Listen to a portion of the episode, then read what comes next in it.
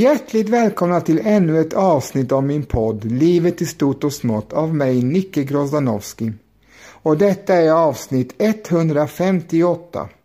Och i detta avsnitt ska vi åter bege oss till sagornas värld där jag ska berätta en saga som heter Näktergalen av H.C. Andersen och den går så här. Det var en gång i Kina där kejsaren bodde och alla som han har omkring sig är kineser. Det är nu många år sedan, men just därför är historien värd att höras, innan den blir glömd. Kejsarens slott var det praktfullaste i hela världen, helt och hållet av fint porslin, så dyrbart men så skört, så bräckligt att röra vid att man måste vara riktigt, riktigt försiktig. I trädgården såg man de underbaraste blommor och vid de allra skönaste hade man bundit små silverklockor som ringde för att man inte skulle gå förbi utan att märka blomman. Ja, allting var så utstuderat i kejsarens trädgård och den sträckte sig så långt bort att inte ens trädgårdsmästaren själv visste var den tog slut. Gick man vidare kom man in i den vackraste skog med höga träd och djupa sjöar. Skogen nådde ända fram till havet som var blått och djupt. Stora fartyg kunde segla ända in under grenarna och bland dessa bodde en näktergal som sjöng så underbart att till och med den fattige fiskaren som hade så mycket annat att sköta låg stilla och lyssnade när han var ute om natten för att ta upp sitt nät och därvid kom att höra näktergalen. Herregud vad det är vackert, sade han, men så måste han sköta sina uppgifter och glömde bort fågeln. Men nästa natt när den sjöng på nytt och fiskaren kom dit sade han på samma sätt. Herregud vad ändå är allting vackert. Från alla jordens länder kom resande till kejsarens stad och de beundrade den, slottet och trädgården. Men när de fick höra näktergalen sade de allesammans, den är i alla fall det allra bästa. Och de resande berättade om det när de kom hem och de lärda skrev många böcker om staden, slottet och trädgården. Men näktergalen glömde de inte. Den satte de allra främst och de som kunde dikta skrev de skönaste dikter, allesammans om näktergalen i skogen vid den djupa sjön.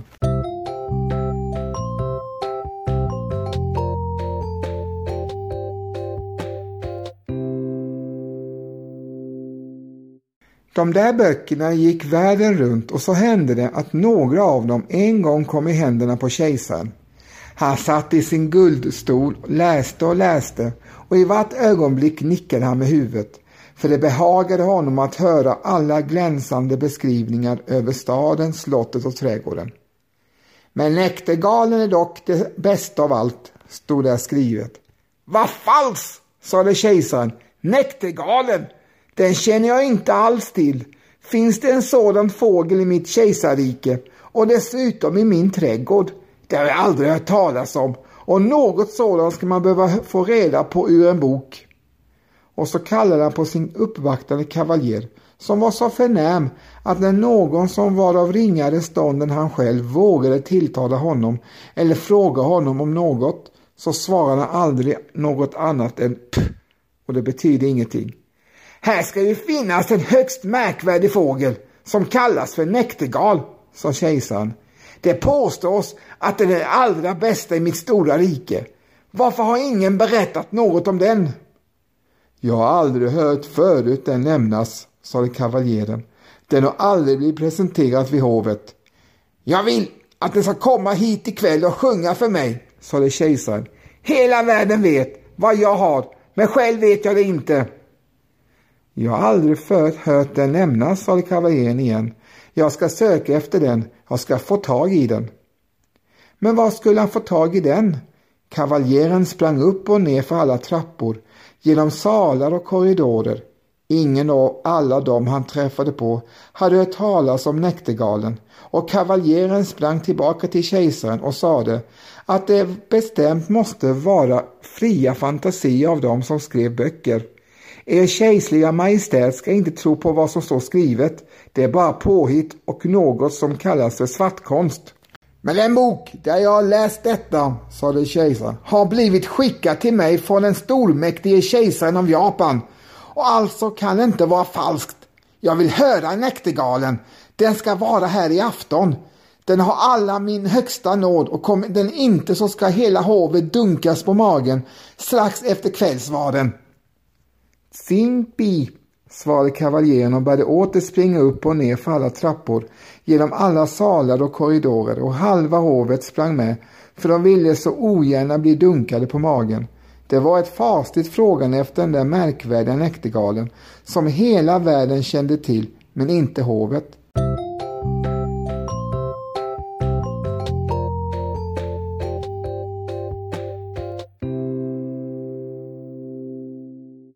Slutligen träffade de på en liten fattig flicka nere i köket. Hon sade Åh herregud, näktergalen, den känner jag mycket väl till. Ja, som den kan sjunga. Varenda kväll har jag fått lov att ta med mig hem lite rester från bordet till min stackars sjuka mor. Hon bor nere vid stranden och när jag går tillbaka dit och är trött och vilar mig i skogen så hör jag näktergalen sjunga. Jag får tårar i ögonen när jag hör det. Det är som om min mor ville kyssa mig. Lilla köksspiga, sade kavaljeren. Jag ska skaffa henne fast anställning i köket och tillåtelse att få se på när kejsaren äter om hon bara kan föra oss till näktergalen, för han har befallit hit den till afton. Och så drog de allesammans ut i skogen där näktergalen brukade sjunga. Halva hovet var med. Bäst som det gick där började en ko att råma.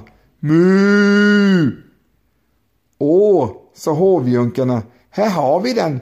Det är dock en förundlig styrka för att vara ett litet djur. Jag har aldrig säkert hört den förut. Nej, nej, nej, nej, nej, det är korna som råmar, sa lilla köksspigan. Vi har ännu långt kvar till den rätta platsen. Och nu kväkte grodorna i kärret.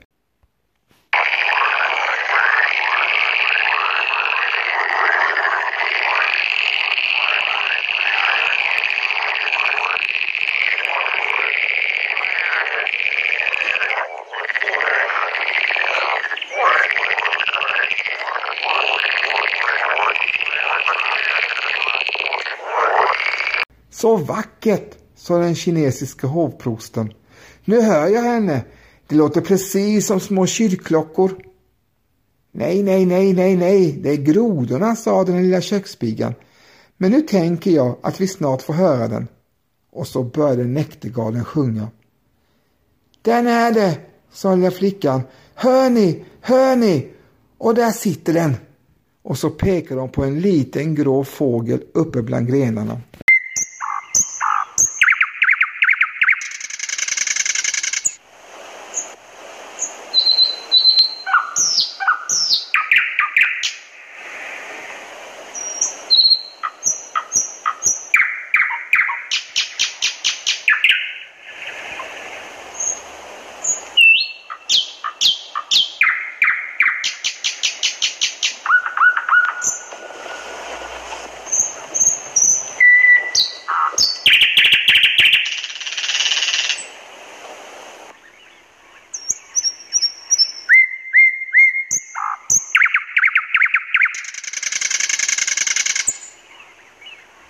Är det verkligen möjligt? sade kavaljeren. Sådan hade jag inte föreställt mig näktergalen. Vad den ser larvig ut. Den måste ha mist färgen av att få se så många förnäma människor omkring sig. Lilla näktergal, ropade lilla köksspigan högt. Vår nådige kejsare vill så gärna att du ska sjunga för honom. Med största nöje, sa näktergalen och så sjöng näktergalen så att det var en fröjd att höra den. Det låter som glasklockor, sade kavaljeren och se bara på den lilla strupen så den arbetar upp och ner. Det är besynnerligt att vi aldrig har hört den förut. Den kommer att göra stor succé vid hovet. Ska jag sjunga en gång till för kejsaren? sa näktergalen som trodde att kejsaren var med. Min förträffliga lilla näktergal, sade kavaljeren, jag har det stora nöjet att befalla er till hovet på fest i afton och där kommer ni att förtrolla hans höga kejserliga nåd med charmanta sång. Den tar sig bäst ut i gröna, sa näktergalen. men den följde dock gärna med när den fick höra att kejsaren så önskade.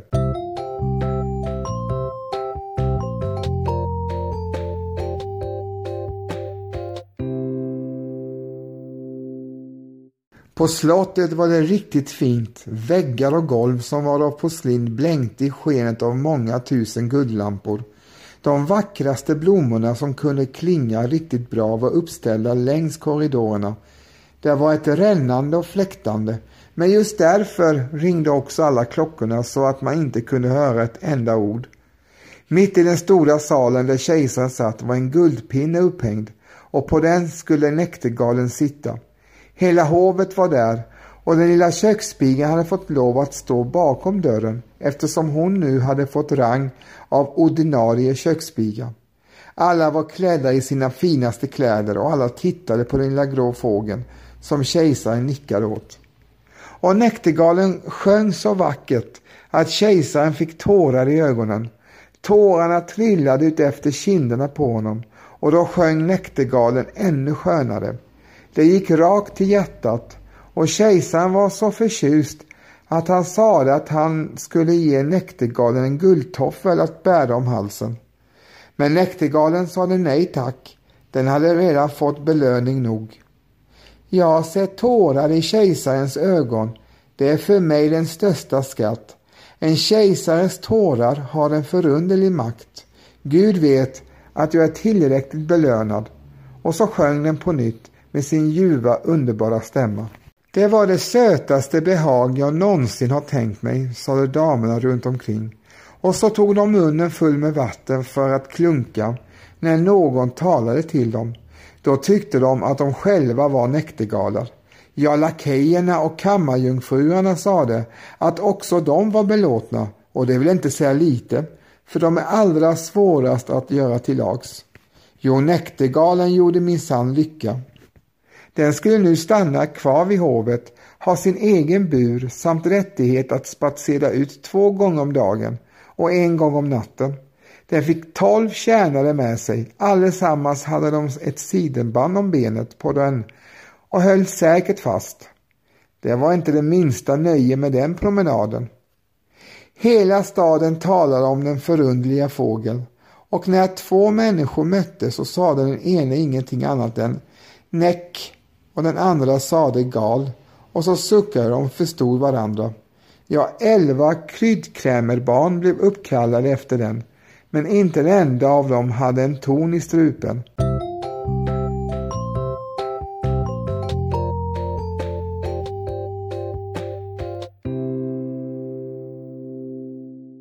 En dag kom det ett stort paket till kejsaren och utanpå stod det skrivet Näktergal. Här har vi nu en ny bok om vår berömda fågel, sade kejsaren.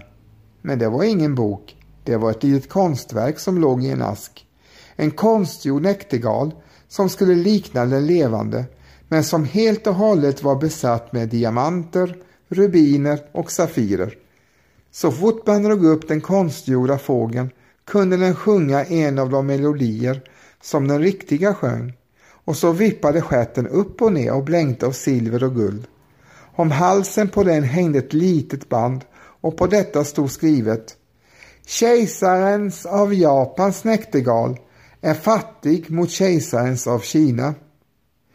Det var förtjusande, sade allesammans och den som hade överlämnat den konstgjorda fågeln fick genast titeln överkejserlig näktergalsbärare. Nu måste de sjunga tillsammans. Vilken underbar duett det kommer att bli. Och så fick de sjunga tillsammans, men de ville inte gå riktigt bra ihop, för den levande näktergalen sjöng på sitt maner och den konstgjorda gick på skruvar. Det är inte den som rår för dem, sade spelmästaren. Den är särdeles taktfast och helt och hållet av min skola. Så skulle den konstgjorda sjunga ensam. Den gjorde precis lika mycket lycka som den riktiga och då var den ju dessutom så mycket sötare att se på. Den glimmade som armband och bröstspännen. 33 gånger sjöng den en och samma melodi utan att tröttna. Folk skulle gärna ha velat låta den börja om och om igen. Men kejsaren tyckte att nu skulle också den levande näktergalen sjunga. Men var fanns den? Ingen hade lagt märke till att den hade flugit ut genom det öppna fönstret bort till sina gröna skogar.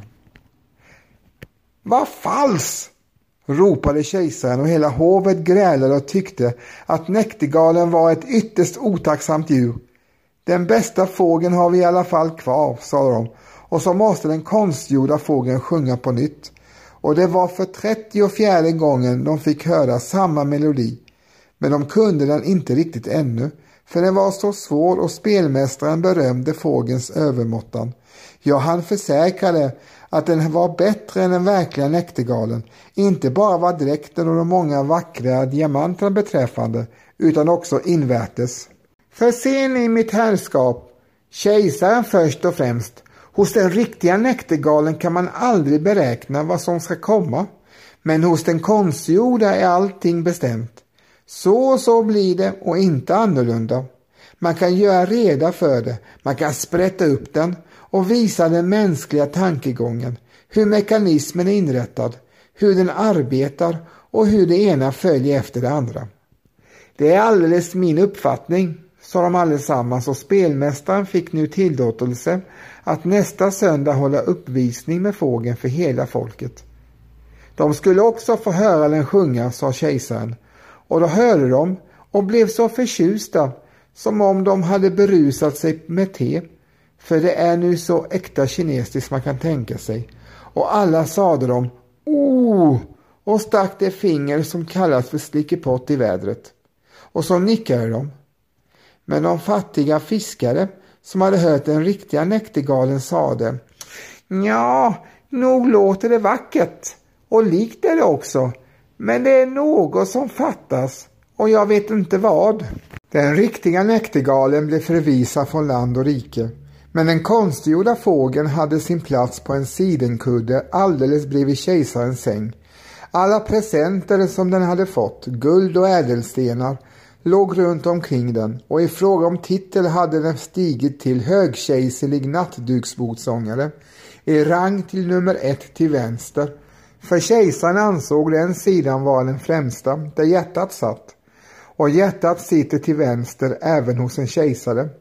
Och spelmästaren skrev 25 böcker om den konstgjorda fågeln. De var så lärda och så långa och de allra svåraste kinesiska ord man kan tänka sig så att alla människor sade att de hade läst och begripit dem. För annars hade de ju framställts som dumma och då hade de blivit dunkade på magen.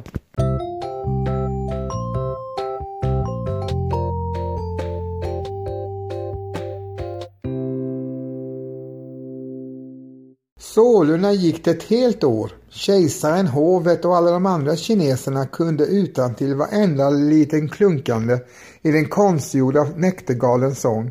Men just därför tyckte de nu så särskilt bra om den. De kunde själva sjunga med och det gjorde de. Gatpojkarna sjöng zi zi zi zi zi klunk klunk klunk klunk klunk klunk klunk och kejsaren sjöng det också. Ja, det var absolut jättevackert. Men en afton bäst som den konstgjorda fågeln sjöng så fint och kejsaren låg i sängen och hörde på, sade det pang inuti fågeln. Det var något som brast. Snurr. Alla hjulen svängde runt och så tystnade musiken. Kejsaren stötte genast upp ur sängen och lät tillkalla sin läkare. Men vad kunde han hjälpa? Så lät de hämta urmakaren och efter mycket prat och mycket provande fick han fågeln något sånär lagad. Men han sade att den måste användas ytterst sparsamt för den var till en grad sliten i kuggarna och det fanns ingen möjlighet att sätta in nya utan att musiken blev förstörd. Det var ett faslig bedrövelse. Bara en enda gång om året vågar man låta den konstgjorda fågeln sjunga och knappt ens det. Men dessutom höll spelmästaren efteråt ett litet tal med sin krångliga ord och sade att det var precis lika bra som förut. Och då var det naturligtvis lika bra som förut.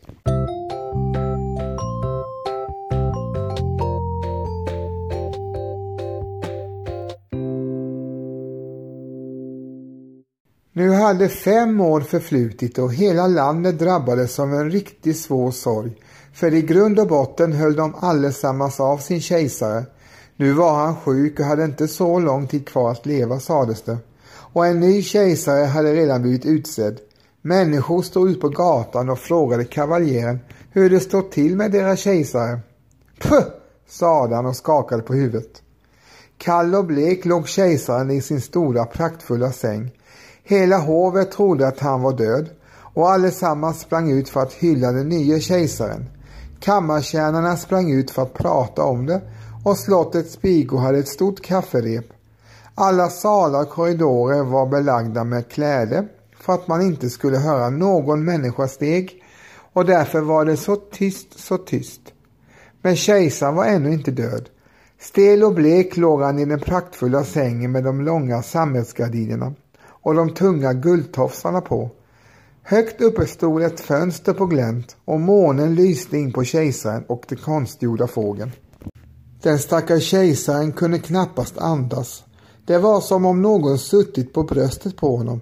Han slog upp ögonen och då såg han att det var döden som satt på hans bröst och hade tagit hans guldkrona på sig. Och i ena handen höll han kejsarens guldsabel, i den andra hans praktfulla fana. Och runt omkring sängen, i väcken på de tunga sammetsgardinerna, tittade besynliga huvuden fram. Somliga mycket fula, andra så ljuvligt milda. Det var alla kejsarens onda och goda gärningar som såg på honom nu när döden satt vid hans hjärta. Minns du det? viskade den ene efter den andra. Minns du det? Ja, minns du det? Och så berättar de så mycket för honom att kallsvetten trängde fram på hans panna. Det har jag aldrig vetat, sa kejsaren. Musik, musik, den stora kinesiska trumman, ropade han, så att jag slipper höra allt vad de säger. Och de fortsatte och döden nickade som en kinesgubbe till allt som sades. Musik, musik, skrek kejsaren. Du lilla välsignade guldfågel, så sjung då, sjung! Jag har gett dig guld och dyrbarheter. Jag har själv hängt ut min guldtoffel om halsen på dig. Så sjung då, sjung! Men den konstgjorda fågeln stod stilla. Det fanns ingen till hand som kunde dra upp den och annars sjöng den inte. Men döden fortfor att se på kejsaren med sina stora tomma ögonhålor. Och det var så tyst, så tyst, så förfärande tyst. Då gör de detsamma, tätt intill fönstret, den allra vackraste sång man kan tänka sig.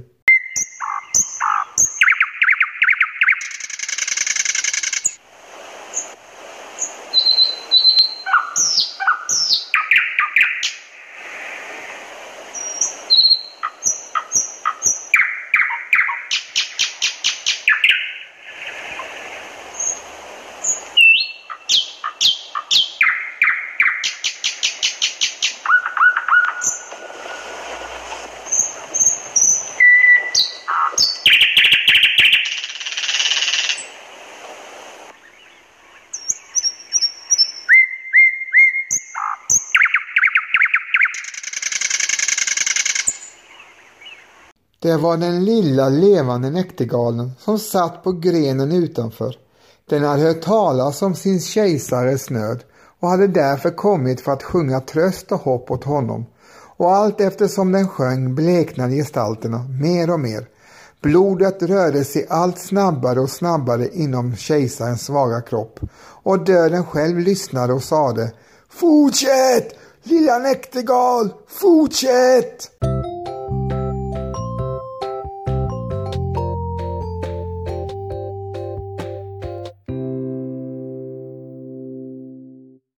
Ja, vill du ge mig den stora guldsabeln? Ja, vill du ge mig den granna fanan? Ja, vill du ge mig kejsarens krona? Och döden lämnade ifrån sig var klenod för varje sång och näktergalen fortsatte att sjunga. Och den sjöng om den tysta kyrkogården där de vita rosorna blommar, där fläden doftar och där det friska gräset vattnas av de efterlevandes tårar. Då greps döden av en längtan efter sin lustgård och han svävade lik en kall vit dimma ut genom fönstret. Åh tack, tack, sa kejsaren, du himmelska lilla fågel, jag känner nog igen dig. Dig har jag jagat bort från mitt land och rike, och dock har du med din sång drivit bort de onda synerna från min säng och döden från mitt hjärta. Hur ska jag kunna belöna dig? Du har belönat mig, sa näktergalen. Jag har fått tårar i dina ögon den första gången jag sjöng. Det glömmer jag aldrig. Det är de juveler som mest glädjer ett sångarhjärta. Men sov nu och bli frisk och stark. Jag ska sjunga för dig. Och den sjöng och kejsaren föll en ljuv sömn. Så mild och välgörande var den sömnen. Solen lyste in till honom genom fönstret och han vaknade, frisk och vederkvick. Ingen av hans tjänare ännu kommit tillbaka, för de trodde att han var död. Men näktergalen satt ännu kvar och sjöng. Alltid måste du stanna hos mig, sa kejsaren. Du ska bara behöva sjunga när du själv har lust och den konstgjorda fågeln slår jag i tusen bitar. Gör inte det, sa näktergalen. Den har ju gjort så gott den kunde. Behåll den som förut. Jag kan inte bygga och bo på slottet. Men låt mig komma när jag själv har lust. Då ska jag sitta om aftonen på grenen här vid fönstret och sjunga för dig så att du blir glad och tankfull tillika. Jag ska sjunga om de lyckliga och om dem som lider. Jag ska sjunga om ont och gott som döljer sig runt omkring dig. Den lilla sångfågeln flyger vida omkring till den fattige fiskaren, till bondens tak, till var och en som lever långt borta från dig och ditt hov. Jag älskar ditt hjärta högre än din krona och dock har kronan en doft av något heligt omkring sig. Jag kommer, jag sjunger för dig, men en sak måste du lova mig. Allt, sa kejsaren och stod där i sin kejserliga skrud som han själv hade tagit på sig och lyfte upp sabeln som var tung av guld mot sitt hjärta. En sak ber jag dig om. Berätta inte för någon att du har en liten fågel som säger dig allt så kommer det att gå ännu bättre för dig. Och så flög näktergalen bort. Tjänarna kom in för att se till sin döde kejsare. Jo, där stod de och kejsaren sade God morgon på er. Snipp, snapp, snut så var den här sagan slut.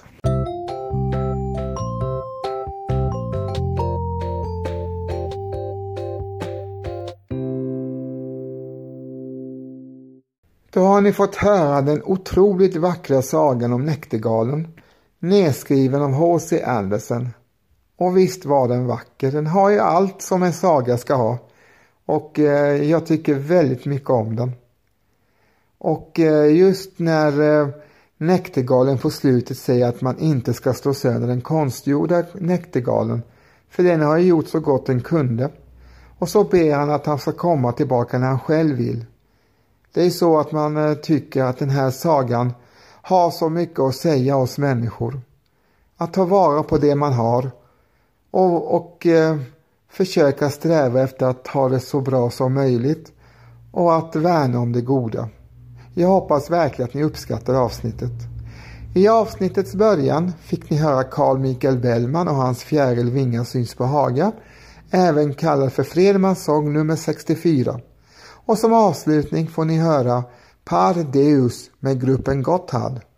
Min podd utkommer två gånger i veckan, nämligen onsdagar och lördagar med bonusavsnitt lite då och då, så håll utkik. Och med detta vill jag tacka dig som har lyssnat på det här avsnittet och hälsa dig hjärtligt välkommen tillbaka när jag släpper nästa avsnitt. Men eh, fram till dess kan du lika gärna gå in och lyssna på tidigare släppta avsnitt. Tack för att ni lyssnade, var rädda om er, på återhörande. Hej då!